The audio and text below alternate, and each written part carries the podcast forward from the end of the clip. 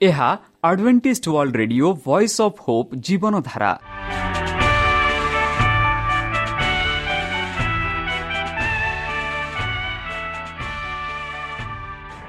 Odia radio କାର୍ଯ୍ୟକ୍ରମ ଯାହା ଆମର ଆନ୍ତର୍ଜାତୀୟ ଆଘାତ କେନ୍ଦ୍ରରୁ ପ୍ରସାରଣ କରାଯାଉଛି ପ୍ରତିଦିନ ରାତି ନଅଟା ତିରିଶ ମିନିଟ୍ରେ। ମୁଁ ସୁବ୍ରତ କୁମାର ପତି ପ୍ରେମର ସହ ଆପଣମାନଙ୍କୁ ଏହି କାର୍ଯ୍ୟକ୍ରମକୁ ସ୍ୱାଗତ କରୁଅଛି। ଚାଲନ୍ତୁ ଆଜିର ତିରିଶ ମିନିଟ୍ର କାର୍ଯ୍ୟକ୍ରମ ବିଷୟରେ ଜାଣିନେବା। ପ୍ରଥମେ ରଖିଛୁ ଆଧ୍ୟାତ୍ମିକ ଭକ୍ତିମୟ ଗୀତ। ଏହାପରେ ଶୁଣିବା ସ୍ୱାସ୍ଥ୍ୟ ବିଷୟରେ ଯାହା ଆମର ଦୈନିକ ଜୀବନରେ ଅତ୍ୟନ୍ତ ଜରୁରୀ। ଆଉ ପରିଶେଷରେ ଶୁଣିବା ପରମେଶ୍ୱରଙ୍କ ଭକ୍ତଙ୍କଠାରୁ ଜୀବନଦାୟକ ଈଶ୍ୱରଙ୍କ ବାକ୍ୟ। ପ୍ରିୟ ଶ୍ରୋତା ତାହେଲେ ଚାଲନ୍ତୁ ଶୁଣିବା ଏକ ଆଧ୍ୟାତ୍ମିକ ଭକ୍ତିମୟ ଗୀତ।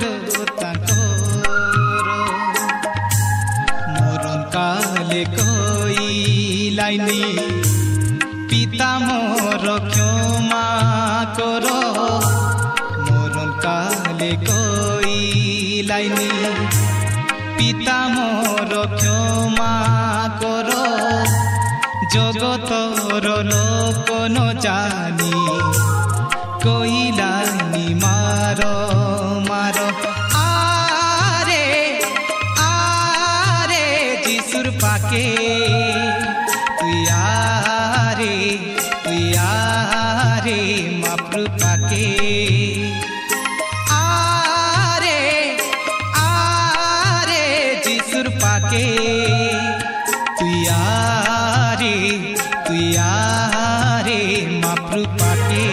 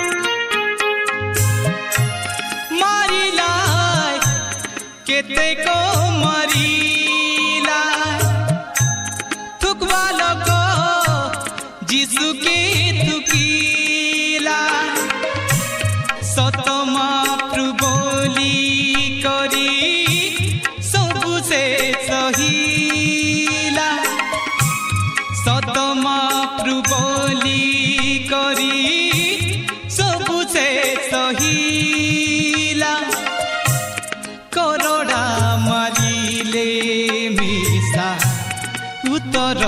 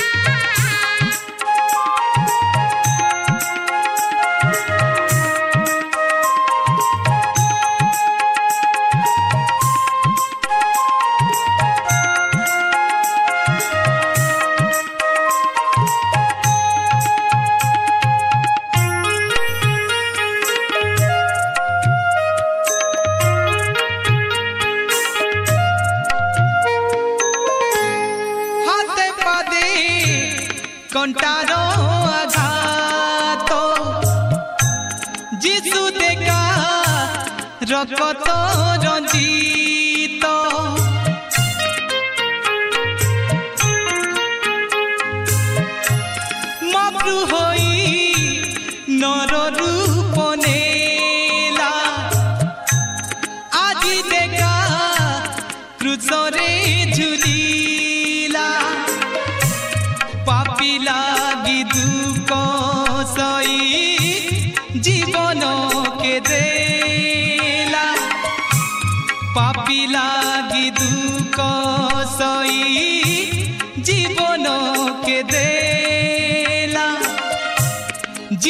পারা আইরি কে? জগতে রেলা।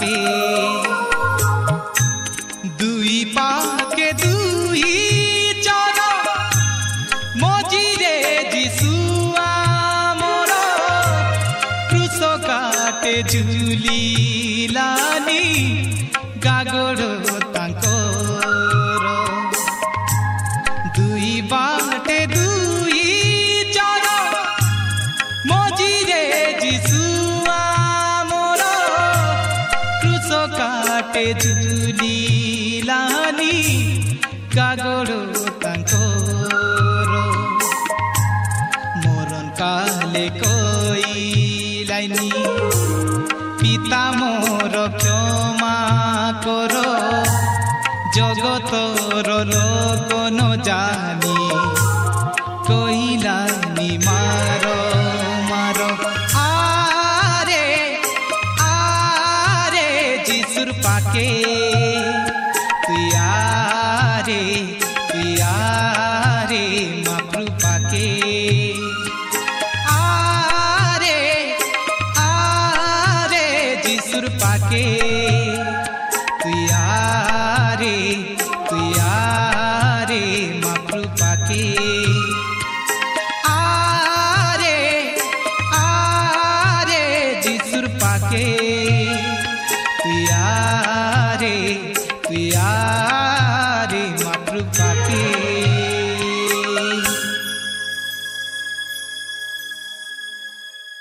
প্রিয় শ্ରୋতা ଆମେ ଆଶା କରୁଛୁ ଯେ ଆମର କାର୍ଯ୍ୟକ୍ରମ ଆପଣମାନଙ୍କୁ ପସନ୍ଦ ଲାଗୁଥିବ ଆପଣଙ୍କର ମତାମତ ଜଣାଇବା ପାଇଁ ଆମର ଏହି ଠିକଣାରେ ଯୋଗାଯୋଗ କରନ୍ତୁ ଆମ ଠିକଣା Adventist media centre SDA mission compound Salisbury Park Pune ଚାରି ଏକ ଏକ ଶୂନ ତିନି ସାତ ମହାରାଷ୍ଟ୍ର ବା ଖୋଲନ୍ତୁ ଆମର ୱେବ୍ସାଇଟ୍ ଯେକୌଣସି Android phone smartphone desktop laptop କିମ୍ବା ଟ୍ୟାବ୍ଲେଟ୍ ଆମର website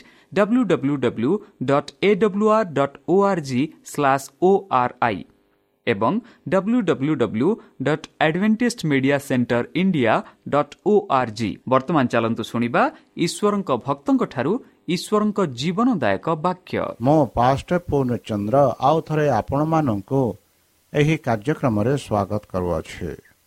ପ୍ରିୟ ଶ୍ରୋତା ସେହି ସର୍ବଶକ୍ତି ପରମେଶ୍ୱର ଆପଣମାନଙ୍କୁ ଆଶୀର୍ବାଦ କରନ୍ତୁ। ଆପଣଙ୍କୁ ସମସ୍ତ ପ୍ରକାର ଦୁଃଖ କଷ୍ଟ ବାଧା କ୍ଲେଶ ଓ ରୋଗରୁ ଦୂରେଇ ରଖୁ। ବିଶେଷ ଭାବରେ ବର୍ତ୍ତମାନ ଯେଉଁ କରୋନା ମହାମାରୀ ସାରା ପୃଥିବୀକୁ ଆପଣା ପ୍ରଭାବ ଦେଖାଉଅଛି ସେହି ପ୍ରଭାବରୁ ସେହି ପରମେଶ୍ୱର ଆପଣମାନଙ୍କୁ ସୁରକ୍ଷାରେ ରଖନ୍ତୁ। ତାହାଙ୍କ ପ୍ରେମ ତାହାଙ୍କ ସ୍ନେହ ତାହାଙ୍କ କୃପା ତାହାଙ୍କ ଅନୁଗ୍ରହ ସଦାସର୍ବଦା ଆପଣଙ୍କଠାରେ ସହବର୍ତ୍ତୀ ରହୁ। ପ୍ରିୟସତା ଚାଲନ୍ତୁ ଆଜି ଆମ୍ଭେମାନେ କିଛି ସମୟ ସଦାପ୍ରଭୁ ପରମେଶ୍ୱରଙ୍କ ପବିତ୍ର ବାକ୍ୟ ଧ୍ୟାନ କରିବା। ଆଜିର ଆଲୋଚନା ହେଉଛି ତାଙ୍କର ଚରିତ୍ରକୁ ଗ୍ରହଣ କରିବା ବା ତାଙ୍କ ଚରିତ୍ରକୁ ଗ୍ରହଣ କରିବା। ଗତକାଲି ଯେପରି ଆମେ ଆଲୋଚନା କରିଥିଲୁ ଯୀଶୁଖ୍ରୀଷ୍ଟ ଯେପରି ଆପଣା ଶିଷ୍ୟମାନଙ୍କୁ ଆଶ୍ୱାସନା ଦେଉଛନ୍ତି ଚାଲନ୍ତୁ ସେହି ଆଶ୍ୱାସନାକୁ ଆମେ ଆଗକୁ ବଢ଼େଇବା। ଯୀଶୁ କହିଲେ ମୋ ନାମରେ ଖ୍ରୀଷ୍ଟ ନିଜ ଶିଷ୍ୟମାନଙ୍କୁ ପ୍ରାର୍ଥନା କରିବାକୁ ଆଦେଶ ଦେଲେ। ଖ୍ରୀଷ୍ଟଙ୍କ ନାମରେ ତାଙ୍କର ଅନୁଗାମୀମାନେ ଈଶ୍ୱରଙ୍କ ସମ୍ମୁଖରେ ଠିଆ ହେବେ। ସେମାନଙ୍କ ପାଇଁ ଦିଆଯାଇଥିବା ବଳିର ମୂଲ୍ୟ ମାଧ୍ୟମରେ ସେମାନେ ପ୍ରଭୁଙ୍କ ଦୃଷ୍ଟିରେ ମୂଲ୍ୟବାନ। ଖ୍ରୀଷ୍ଟଙ୍କ ଧାର୍ମିକ ଧାର୍ମିକତା ହେତୁ ସେମାନେ ମୂଲ୍ୟବାନ ବିବେଚିତ ହୁଅନ୍ତି। ଖ୍ରୀଷ୍ଟଙ୍କ ନିମନ୍ତେ ପ୍ରଭୁ ତାଙ୍କୁ ଭୟ କରୁଥିବା ଲୋକମାନଙ୍କୁ କ୍ଷମା କରନ୍ତି। ସେ ସେମାନଙ୍କ ଭିତରେ ପାପୀଙ୍କ ସନ୍ଧତା ଦେଖନ୍ତି ନାହିଁ। ସେ ସେମାନଙ୍କଠାରେ ତାଙ୍କ ପୁତ୍ରଙ୍କ ସମ୍ମାନତା ଜାଣନ୍ତି ଯାହା ଉପରେ ସେମାନେ ବିଶ୍ୱାସ କରନ୍ତି। ବନ୍ଧୁ ଯେତେବେଳେ ତାଙ୍କ ଲୋକମାନେ ନିଜ ଉପରେ କମ୍ ଆଲୋ ଆକଳନ କରି କରନ୍ତି ପ୍ରଭୁ ନିରାଶ ହୁଅନ୍ତି ନାହିଁ। ସେ ଚାହାନ୍ତି ଯେ ସେ ମନୋନୀତ ସେମାନଙ୍କ ଉପରେ ରଖିଥିବା ମୂଲ୍ୟ ଅନୁଆୟୀ ମୂଲ୍ୟ ଦିଅନ୍ତୁ। ଈଶ୍ୱର ସେମାନଙ୍କୁ ଚାହିଁଲେ ନତେ ସେ ନିଜ ପୁତ୍ରଙ୍କୁ ମୁକ୍ତ କରିବା ପାଇଁ ଏତେ ଦାମରେ ପଠାଇଥାନ୍ତେ। ସେ ସେମାନଙ୍କ ପାଇଁ ଏକ ବ୍ୟବହାର କରନ୍ତି ଯେ କରନ୍ତି ଏବଂ ସେତେବେଳେ ସେମାନେ ତାଙ୍କ ଉପରେ ସର୍ବୋଚ୍ଚ ଦାବି କରନ୍ତି। ବନ୍ଧୁ ଯେତେବେଳେ ସେ ଅତ୍ୟନ୍ତ ଆନନ୍ଦିତ ହୁଅନ୍ତି ଯେପରି ସେମାନଙ୍କୁ ତାଙ୍କ ନାମ ଗୌରବାନ୍ୱିତ କରିବେ ଯଦି ସେମାନେ ତାଙ୍କ ପ୍ରତିଜ୍ଞା ଉପରେ ବିଶ୍ୱାସ କରନ୍ତି ତେବେ ସେମାନେ ବଡ଼ ଜିନିଷ ଆଶା କରିପାରନ୍ତି। କିନ୍ତୁ କୃଷ୍ଣଙ୍କ ନାମରେ ପ୍ରାର୍ଥନା କରିବାର ଅର୍ଥ ବହୁତ ଅଧିକ ବନ୍ଧୁ।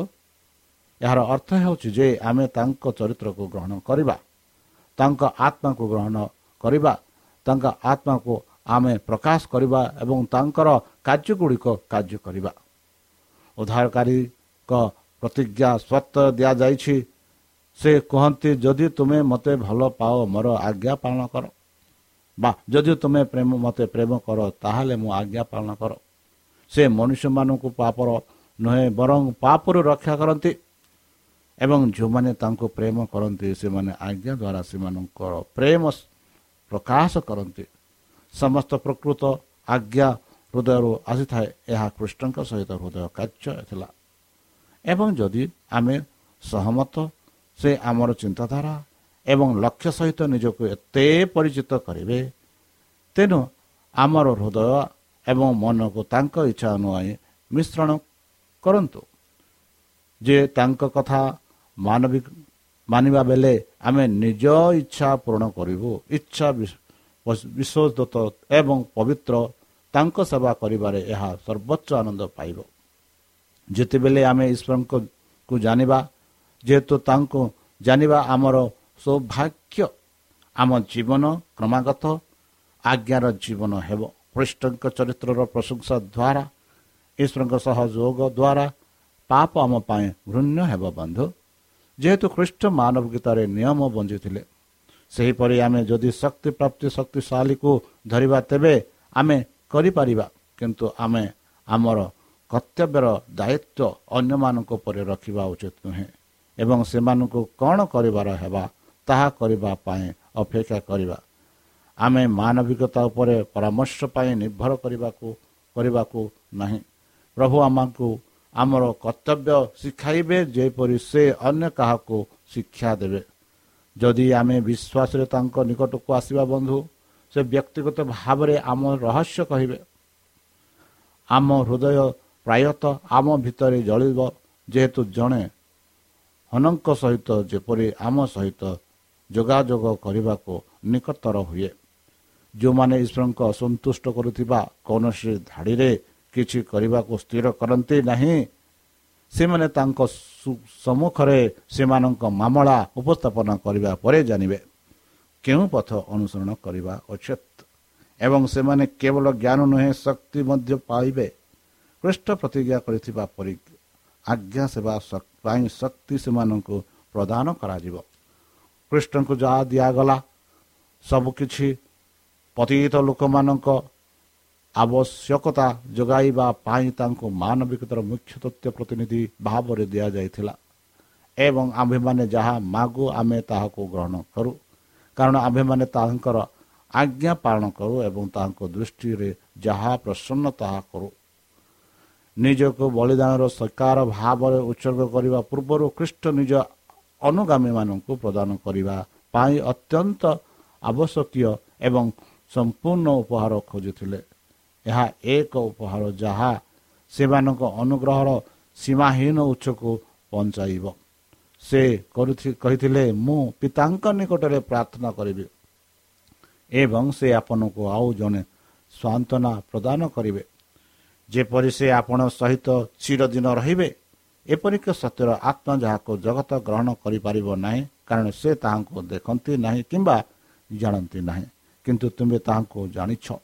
କାରଣ ମୁଁ କାରଣ ସେ ତୁମମାନଙ୍କ ସହିତ ବାସ କରନ୍ତି ଓ ତୁମମାନଙ୍କ ଠାରେ ରହିବେ। ମୁଁ ତୁମମାନଙ୍କୁ ଅନାଥରେ ଛାଡ଼ୁ ନାହୁଁ ନାହିଁ ମୁଁ ତୁମ ନିକଟକୁ ଆସିବି। ଏହିପରି ଜହନ ଚଉଦ ଷୋହଳ ଟୁ ଅଠରେ ଆମେ ପାଉଅଛୁ। ବନ୍ଧୁ ଏହା ପୂର୍ବରୁ ଆତ୍ମା ଜଗତରେ ଥିଲେ ମୁକ୍ତି କାର୍ଯ୍ୟର ଆରମ୍ଭରୁ ସେ ମଣିଷମାନଙ୍କ ହୃଦୟରେ ଗତି କରୁଥିଲେ। କିନ୍ତୁ ଖ୍ରୀଷ୍ଟ ପୃଥିବୀରେ ଥିବାବେଳେ ଶିଷ୍ୟମାନେ ଅନ୍ୟ କୌଣସି ସାହାଯ୍ୟକାରୀ ଚାହୁଁନଥିଲେ ଯେପର୍ଯ୍ୟନ୍ତ ସେମାନଙ୍କ ତାଙ୍କ ଉପସ୍ଥିତି ବଞ୍ଚିତ ନ ହୁଅନ୍ତି ସେ ପର୍ଯ୍ୟନ୍ତ ସେମାନେ ଆତ୍ମାର ଆବଶ୍ୟକତା ଅନୁଭବ କରିବେ ନାହିଁ ଏବଂ ତାପରେ ସେ ଆସିବେ। ପବିତ୍ର ଆତ୍ମା ଖ୍ରୀଷ୍ଟଙ୍କର ପ୍ରତିନିଧି କରୁଛି କିନ୍ତୁ ମାନବିକତାର ବ୍ୟକ୍ତିଗତ ବଞ୍ଚିତ ଏବଂ ଏହାର ସ୍ୱାଧୀନ ମାନବିକତା ସହିତ ଜଡ଼ିତ। ଖ୍ରୀଷ୍ଟ ବ୍ୟକ୍ତିଗତ ଭାବରେ ପ୍ରତ୍ୟେକ ସ୍ଥାନରେ ରହିପାରିବେ ନାହିଁ। ତେଣୁ ସେ ସେମାନଙ୍କ ସ୍ୱାର୍ଥ ପାଇଁ ପିତାଙ୍କ ନିକଟରୁ ଯାଇ ଆତ୍ମାଙ୍କ ପୃଥିବୀରେ ତାଙ୍କର ଉତ୍ତରାଧିକାରୀ ହେବାକୁ ପଠାଇବା ଉଚିତ। ତାଙ୍କ ଅବସ୍ଥାନ କିମ୍ବା କୃଷ୍ଣଙ୍କ ସହିତ ତାଙ୍କ ବ୍ୟକ୍ତିଗତ ସମ୍ପର୍କ ହେତୁ କେହି କୌଣସି ସୁବିଧା ପାଇପାରିବେ ନାହିଁ। ଆତ୍ମା ଦ୍ୱାରା ପ୍ରାଣକର୍ତ୍ତା ସମସ୍ତଙ୍କ ପାଇଁ ଉପଲବ୍ଧ ହେବେ। ଏହି ଅର୍ଥରେ ସେ ଉଚ୍ଚକୁ ନ ଆସିବା ଅପେକ୍ଷା ସେମାନଙ୍କ ନିକଟରେ ହେବେ। ଯିଏ ମୋତେ ପ୍ରେମ କରେ ସେ ମୋର ପରମ ପିତାଙ୍କୁ ପ୍ରେମ କରିବ ଏବଂ ମୁଁ ତାଙ୍କୁ ପ୍ରେମ କରିବି ଏବଂ ତାଙ୍କ ନିକଟରେ ନିଜକୁ ପ୍ରକାଶିତ କରିବି। ଏହିପରି ଯୀଶୁ ଖ୍ରୀଷ୍ଟ କହିଥିଲେ। ଯୀଶୁ ନିଜ ଶିଷ୍ୟମାନଙ୍କ ଭବିଷ୍ୟତ ପଢ଼ିଲେ। ସେ ଦେଖିଲେ ଗୋଟିଏ ଗୋଟିଏ କୃଷକ ଜଣେ ସମୁଦ୍ରର ଏକାକୀ ପଥର ମଧ୍ୟରେ ନିର୍ବାସିତ ହେବା ପାଇଁ ଅନ୍ୟମାନେ ନିର୍ଯାତନା ଓ ମୃତ୍ୟୁ ପାଇଁ ପ୍ରତିଜ୍ଞା ସହିତ ସେ ସେମାନଙ୍କୁ ଉତ୍ସାହିତ କଲେ ଯେ ପ୍ରତ୍ୟେକ ପରୀକ୍ଷାରେ ସେମାନଙ୍କ ସହିତ ରହିବେ। ସେ ପ୍ରତିଜ୍ଞା ଏହାର କୌଣସି ଶକ୍ତି ହରାଇବେ ନାହିଁ। ପ୍ରଭୁ ତାଙ୍କର ବିଶ୍ୱାସ ଲୋକମାନଙ୍କ ବିଷୟରେ ଜାଣନ୍ତି। ଯେଉଁମାନେ ତାଙ୍କ ପାଇଁ କାରାଗାରରେ ପଡ଼ିଛନ୍ତି କିମ୍ବା ଏକାକୀ ଦୀପ୍ତିପଞ୍ଜୁକୁ ବାସନ୍ଦ ହୋଇଛନ୍ତି ସେ ନିଜ ଉପସ୍ଥିତିରେ ସେମାନଙ୍କୁ ସ୍ୱାନ୍ତନା ଦିଅନ୍ତି। ଯେତେବେଳେ ସତ୍ୟ ପାଇଁ ବିଶ୍ୱାସୀ ଅନ୍ୟାୟ ବାର ବା ଅନ୍ୟ ସ୍ଥାନରେ ଠିଆ ହୁଅନ୍ତି ଖ୍ରୀଷ୍ଟ ତାଙ୍କ ପାଖରେ ଠିଆ ହୁଅନ୍ତି ତାଙ୍କ ଉପରେ ପଡ଼ୁଥିବା ସମସ୍ତ ଅପମାନ ଖ୍ରୀଷ୍ଟଙ୍କ ଉପରେ ପଡ଼େ। ଖ୍ରୀଷ୍ଟ ପୁନର୍ବାର ନିଜ ଶିଷ୍ୟମାନଙ୍କ ଠାରେ ନିନ୍ଦିତ। ଯେତେବେଳେ ଜଣେ ଜେଲର କାନ୍ଥରେ ବନ୍ଦୀ ହୁଏ ଖ୍ରୀଷ୍ଟ ନିଜ ପ୍ରେମ ସହିତ ହୃଦୟକୁ ଆଘାତ କରନ୍ତି। ଯେତେବେଳେ ଜଣେ ତାଙ୍କ ପାଇଁ ମୃତ୍ୟୁ ଭୋଗ କରେ ଖ୍ରୀଷ୍ଟ କୁହନ୍ତି ମୁଁ ଜୀବିତ ଓ ମୃତ୍ୟୁ ଏବଂ ଦେଖ ମୁଁ ଚିରଦିନ ପାଇଁ ବଞ୍ଚି ଅଛି। ନର୍ଖ ଏବଂ ମୃତ୍ୟୁର ବି ଅଛି ମୋ ହସ୍ତରେ। ଏହିପରି ପ୍ରକାଶିତ ଏକ ଅଠରେ ଲେଖାଯାଇଅଛି ବନ୍ଧୁ ମୋ ପାଇଁ ବଲି ଦିଆଯାଇଥିବା ଜୀବନ ଅନନ୍ତ ଗୌରବ ପାଇଁ ସଂରକ୍ଷିତ ବୋଲି ଯୀଶୁଖ୍ରୀଷ୍ଟ କହିଥିଲେ। ସବୁ ସମୟରେ ଏବଂ ସବୁ ଜାଗାରେ ସମସ୍ତ ଦୁଃଖରେ ଏବଂ ସମସ୍ତ ଦୁଃଖରେ ଯେତେବେଳେ ଦୃଷ୍ଟିକୋଣ ଅନ୍ଧକାର ଏବଂ ଭବିଷ୍ୟତ ଜଟିଳ ମନେ ହୁଏ ଏବଂ ଆମେ ନିଜକୁ ଅସହ ଏବଂ ଏକାକୀ ଅନୁଭବ କରୁ ବିଶ୍ୱାସର ପ୍ରାର୍ଥନା ଉତ୍ତରରେ ସ୍ୱାନ୍ତନା ପଠାଯିବ ପରିସ୍ଥିତି ଆମକୁ ପ୍ରତ୍ୟେକ ପାର୍ଥିବ ବନ୍ଧୁଠାରୁ ଅଲଗା କରିପାରେ କିନ୍ତୁ କୌଣସି ପରିସ୍ଥିତି ଦୂରତା ଆମକୁ ସ୍ୱର୍ଗୀୟ ସ୍ୱନ୍ଦନାକାରୀ ଠାରୁ ଅଲଗା କରିପାରିବ ନାହିଁ ଆମେ ଯେଉଁଠାରେ ଆଉ ଥାଉ ଆମେ ଯେଉଁଠାକୁ ଯାଇପାରିବା ସେ ସମର୍ଥନକୁ ବଞ୍ଚାଇବା ସମର୍ଥନ କରିବା ଏବଂ ଉତ୍ସାହିତ କରିବା ପାଇଁ ସର୍ବଦା ଆମର ଡାହାଣ ହାତରେ ଥାଆନ୍ତି। ବନ୍ଧୁ ଶିଷ୍ୟମାନେ ଖ୍ରୀଷ୍ଟଙ୍କ ବାକ୍ୟକୁ ସେମାନଙ୍କ ଆଧ୍ୟାତ୍ମିକ ଅର୍ଥରେ ବୁଝିବାରେ ବିଫଳ ହୋଇଥିଲେ ଏବଂ ପୁନର୍ବାର ସେ ତାଙ୍କର ଅର୍ଥ ବ୍ୟାଖ୍ୟା କଲେ। ଆତ୍ମାଙ୍କ ଦ୍ୱାରା ସେ କହିଥିଲେ ସେ ସେମାନଙ୍କ ନିକଟରେ ନିଜକୁ ପ୍ରକାଶିତ କରିବେ। ସ୍ୱନ୍ତନାକାରୀ ଯିଏ ପବିତ୍ର ଆତ୍ମା ଯାହାକୁ ପିତା ମୋ ନାମରେ ପଠାଇବେ ସେ ତୁମକୁ ସବୁ ଶିକ୍ଷା ଦେବେ। ତୁମେ ଆଉ କହିବ ନାହିଁ ମୁଁ ବୁଝିପାରିବି ନାହିଁ। ଅନ୍ଧକାରରେ ଆପଣ ଆଉ ଏକ କ୍ଲାସ୍ ମାଧ୍ୟମରେ ଦେଖିବେ ନାହିଁ। ଆପଣ ସମସ୍ତ ସାଧୁମାନଙ୍କ ସହିତ ପ୍ରସ୍ତ ଦୁର୍ଯ୍ୟ ଗଭୀର ଏବଂ ଉଚ୍ଚତାକୁ ବୁଝିବାର ସମର୍ଥ ହେବ ଏବଂ ଖ୍ରୀଷ୍ଟଙ୍କ ପ୍ରେମ ବିଷୟରେ ଜାଣିପାରିବେ ଯାହା ଜ୍ଞାନ ଦେଇଥାଏ। ଏହିପରି ଆମେ ଏପିସିରେ ସାଧୁ ପାଉଲ ଲେଖୁଛନ୍ତି। ବନ୍ଧୁ ଶିଷ୍ୟମାନେ ଖ୍ରୀଷ୍ଟଙ୍କ ଜୀବନ ଏବଂ କାର୍ଯ୍ୟର ସାକ୍ଷୀ ହେବା ଉଚିତ। ସେ ସେମାନଙ୍କ ବାକ୍ୟ ମାଧ୍ୟମରେ ପୃଥିବୀର ସମସ୍ତ ଲୋକଙ୍କ ସହିତ କଥା ହେବା ଉଚିତ। କିନ୍ତୁ ଖ୍ରୀଷ୍ଟଙ୍କ ଅପମାନ ଏକ ମୃତ୍ୟୁରେ ସେମାନେ ବଡ଼ ପରୀକ୍ଷା ଏବଂ ନିରାଶାର ସମ୍ମୁଖୀନ ହେବାକୁ ପଡ଼ିଲେ। ଯେହେତୁ ଏହି ଅଭିଜ୍ଞତା ପରେ ସେମାନଙ୍କ ବାକ୍ୟ ସଠିକ ହୋଇପାରେ। ଯୀଶୁ ପ୍ରତିଜ୍ଞା କଲେ ଯେ ସନ୍ତାନକାରୀ ମୁଁ ତୁମକୁ ଯାହା କହିଥିଲି ତାହା ସବୁ ସ୍ମରଣ କର। ସେ ଆହୁରି ମଧ୍ୟ କହିଛନ୍ତି ପ୍ରିୟ ବନ୍ଧୁ ମୋର ତୁମକୁ ଆହୁରି ଅନେକ କଥା କହିବାକୁ ଅଛି। କିନ୍ତୁ ତୁମେ ବର୍ତ୍ତମାନ ଯାହା ସହିପାରିବ ନାହିଁ ତଥାପି ଯେତେବେଳେ ସେ ସତ୍ୟର ଆତ୍ମା ଆସିବେ ସେତେବେଳେ ସେ ତୁମକୁ ସମସ୍ତ ସତ୍ୟର ପଥ ଦେଖାଇବେ। କାରଣ ସେ ନିଜ ବିଷୟରେ କହିବେ ନାହିଁ କିନ୍ତୁ ସେ ଯାହା ଶୁଣିବେ ସେ କହିବେ। ସେ ଭବିଷ୍ୟତର ବିଷୟ ଗୁଡ଼ିକ ଦେଖାଇବେ। ସେ ମୋତେ ଗୌରବାନ୍ୱିତ କରିବେ କାରଣ ସେ ମୋର ଗ୍ରହଣ କରିବେ ଏବଂ ତାହା ଆପଣଙ୍କୁ ଦେଖାଇବେ। ଯୀଶୁ ନିଜ ଶିଷ୍ୟମାନଙ୍କ ଆଗରେ ଏକ ସତ୍ୟର ଏକ ବଡ଼ ଖଣ୍ଡ ଖୋଲିଥିଲେ। କିନ୍ତୁ ଶାସ୍ତ୍ରୀ ଏବଂ ପାରିଶୀମାନଙ୍କ ପରମ୍ପରା ଏବଂ ସର୍ବୋଚ୍ଚ ଠାରୁ ତାଙ୍କ ଶିକ୍ଷାକୁ ପୃଥକ ରଖିବା ସେମାନଙ୍କ ପାଇଁ ସବୁଠାରୁ କଷ୍ଟସାଧ୍ୟ ଥିଲା। ସେମାନେ ରାବଣ ଶିକ୍ଷାଙ୍କୁ ଈଶ୍ୱରଙ୍କ ସ୍ୱର ଭାବରେ ଗ୍ରହଣ କରିବାକୁ ଶିକ୍ଷା ହୋଇଥିଲେ ଏବଂ ଏହା ଏପର୍ଯ୍ୟନ୍ତ ସେମାନଙ୍କ ମନ ଉପରେ ଏକ ଶକ୍ତି ରଖିଥିଲା ଏବଂ ସେମାନଙ୍କ ଭାବନାକୁ ଗଢ଼ିଥିଲା। ପାର୍ଥିବ ଚିନ୍ତାଧାରା ସାମାୟିକ ଜିନିଷ ତଥାପି ସେମାନଙ୍କ ଚିନ୍ତାଧାରା ଏକ ବଡ଼ ସ୍ଥାନ ଥିଲା। ସେମାନେ ଖ୍ରୀଷ୍ଟଙ୍କ ରାଜ୍ୟରେ ଆଧ୍ୟାତ୍ମିକ ପ୍ରକୃତି ବୁଝିପାରିଲେ ନାହିଁ ଯଦିଓ ସେ ସେମାନଙ୍କୁ ବାରମ୍ବାର ବୁଝାଇଥିଲେ। ସେମାନଙ୍କ ମନ ଦ୍ୱନ୍ଦ୍ୱରେ ପଡ଼ିଯାଇଥିଲା ଖ୍ରୀଷ୍ଟ ଉପସ୍ଥାପିତ ଶାସ୍ତ୍ର ଗୁଡ଼ିକର ମୂଲ୍ୟ ସେମାନେ ବୁଝିପାରିଲେ ନାହିଁ। ତାଙ୍କର ଅନେକ ଶିକ୍ଷା ସେମାନଙ୍କ ଉପରେ ପ୍ରାୟ ହଜିଯାଇଥିଲା ପରି ମନେ ହେଉଥିଲା। ଯୀଶୁ ଦେଖୁଥିଲେ ଯେ ସେମାନେ ତାଙ୍କ ବାକ୍ୟର ପ୍ରକୃତ ଅର୍ଥ ଧରି ନାହାନ୍ତି। ସେ ଦୟାଳୁ ଭାବରେ ପ୍ରତିଜ୍ଞା କଲେ ଯେ ପବିତ୍ର ଆତ୍ମା ସେମାନଙ୍କ ସେମାନଙ୍କ ମନକୁ ଏହି କଥା ଗୁଡ଼ିକ ମନରେ ରଖିବା ଆବଶ୍ୟକ ଏବଂ ସେ ଅନେକ ଜିନିଷ ଛାଡ଼ିଥିଲେ ଯାହା ଭବିଷ୍ୟ ଶିଷ୍ୟଙ୍କର ଦ୍ୱାର ଦ୍ୱାରା ବୁଝିବାର ବୁଝିବ ନାହିଁ। ଏମାନେ ମଧ୍ୟ ଆତ୍ମାଙ୍କ ଦ୍ୱାରା ଖୋଲା ହେବେ। ଆତ୍ମା ସେମାନଙ୍କୁ ତ୍ୱରାନ୍ୱତ କରିବା ଆବଶ୍ୟକ। ଯୀଶୁ ଦେଖିଲେ ଯେ ସେମାନେ ତାଙ୍କ ବାକ୍ୟର ପ୍ରକୃତ ଅର୍ଥ ଧରି ନାହାନ୍ତି। ସେ ଦୟାଳୁ ଭାବରେ ପ୍ରତିଜ୍ଞା କଲେ ଯେ ପବିତ୍ର ଆତ୍ମା ସେମାନଙ୍କ ମନକୁ ଏହି କଥା ଗୁଡ଼ିକ ମନେ ରଖିବା ଉଚିତ ଏବଂ ସେ ଅନେକ ଜିନିଷ ଛାଡ଼ି ଦେଇଥିଲେ ଯାହା ଶିଷ୍ୟମାନଙ୍କ ଦ୍ୱାରା ବୁଝି ହେବ ନାହିଁ ଏମାନେ ମଧ୍ୟ ଆତ୍ମାଙ୍କ ଦ୍ୱାରା ଖୋଲା ହେବ। ଆତ୍ମା ସେମାନଙ୍କୁ ତ୍ୱରାନ୍ୱିତ କରିବା ଉଚିତ। ଯୀଶୁ ଦେଖିଥିଲେ ଯେ ସେମାନେ ତାଙ୍କ ବାକ୍ୟର ପ୍ରକୃତ ଅର୍ଥ ଧରିନାହାନ୍ତି। ସେ ଦୟାଳୁ ଭାବରେ ପ୍ରତିଜ୍ଞା କଲେ ଯେ ପବିତ୍ର ଆତ୍ମା ସେମାନଙ୍କ ମନକୁ ଏହି କଥା ଗୁଡ଼ିକ ମନେ ରଖିବା ଉଚିତ।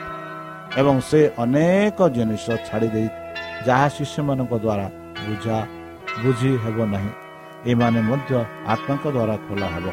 ଆତ୍ମା ସେମାନଙ୍କୁ ତ୍ୱରାନ୍ୱିତ କରିବା ଉଚିତ। ବନ୍ଧୁ ସେହି ଆତ୍ମା ବର୍ତ୍ତମାନ ଏହି ପୃଥିବୀରେ ବାସ କରୁଅଛି। ସେହି ଆତ୍ମା ବର୍ତ୍ତମାନ ଆମମାନଙ୍କଠାରେ ଅଛନ୍ତି ସାହାଯ୍ୟ କରିବା ପାଇଁ ଚାହୁଁଛନ୍ତି। ଯୀଶୁଙ୍କ ବିଷୟରେ ବୁଝାଇବା ପାଇଁ ଚେଷ୍ଟା କରୁଛନ୍ତି। କ'ଣ ଆପଣମାନେ ସେହି ଆତ୍ମାକୁ ବିଶ୍ୱାସ କରି ସେହି ଯୀଶୁଙ୍କ କଥାକୁ ବିଶ୍ୱାସ କରି ସେହି ଆତ୍ମାଙ୍କ ସାହାଯ୍ୟ ମାଗିବା ପାଇଁ ଆପଣ ପ୍ରୟାସ କରିବେ କି? ତାହେଲେ ଚାଲନ୍ତୁ ନିଜକୁ ସମର୍ପଣ କରି ତାହାଙ୍କ ମଧୁର ନାମରେ ଆମେ ଆଜି ପ୍ରାର୍ଥନା କରିବା। ହେ ଆମ୍ଭ ମାନଙ୍କ ସର୍ବଶକ୍ତି ସର୍ବଜ୍ଞାନୀ ପ୍ରେମର ସାଗର ଦୟାମୟ ଅନ୍ତର୍ଜମୀ ଅନୁଗ୍ରହ ପରମ ପିତା। ଧନ୍ୟବାଦ ଅର୍ପଣ କରୁଛୁ ପ୍ରଭୁ ବର୍ତ୍ତମାନ ଯେଉଁ ବାକ୍ୟ ତୁମ ସେହି ଭକ୍ତଙ୍କ ଦ୍ୱାରା ଶୁଣାଇଲେ ସେହି ବାକ୍ୟ ଅନୁସାରେ ଏମାନଙ୍କୁ ଚାଲିବା ପାଇଁ ବୁଦ୍ଧିରେ ଜ୍ଞାନରେ ଶକ୍ତିରେ ପରିପୂର୍ଣ୍ଣ କର। ସେହି ପବିତ୍ର ଆତ୍ମା ଦ୍ୱାରା ଆମମାନଙ୍କୁ ପରିଚାଳନା କର। ଆମ ପାପ ସବୁ ତୁମ ସେହି ବହୁମୂଲ୍ୟ ରକ୍ତରେ ପରିଷ୍କାର କରି ଧୋଇ ଦିଅ।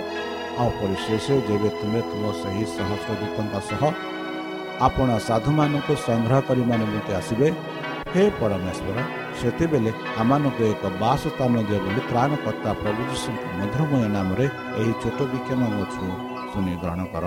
ପ୍ରିୟ ଶ୍ରୋତା ଆମେ ଆଶା କରୁଛୁ ଯେ ଆମର କାର୍ଯ୍ୟକ୍ରମ ଆପଣମାନଙ୍କୁ ପସନ୍ଦ ଲାଗୁଥିବ ଆପଣଙ୍କର ମତାମତ ଜଣାଇବା ପାଇଁ ଆମର ଏହି ଠିକଣାରେ ଯୋଗାଯୋଗ କରନ୍ତୁ ଆମ ଠିକଣା Adventist media centre SDA mission compound Salisbury Park Pune ଚାରି ଏକ ଏକ ଶୂନ ତିନି ସାତ ମହାରାଷ୍ଟ୍ର ବା ଖୋଲନ୍ତୁ ଆମର ୱେବସାଇଟ୍ ଯେକୌଣସି Android phone smartphone desktop laptop କିମ୍ବା ଟ୍ୟାବ୍ଲେଟ୍ ଆମର website W W W dot A W R dot O R G slash O R I ଏବଂ W W W dot Adventist media centre India dot O R G Adventist media centre ଇଣ୍ଡିଆର spelling ହେଉଛି A D V E N T I S T M E D I A C E N T R E I N D I A ଅଥବା download କରନ୍ତୁ ଆମର mobile app ଆପଣଙ୍କର mobile play ଷ୍ଟୋରକୁ ଯାଆନ୍ତୁ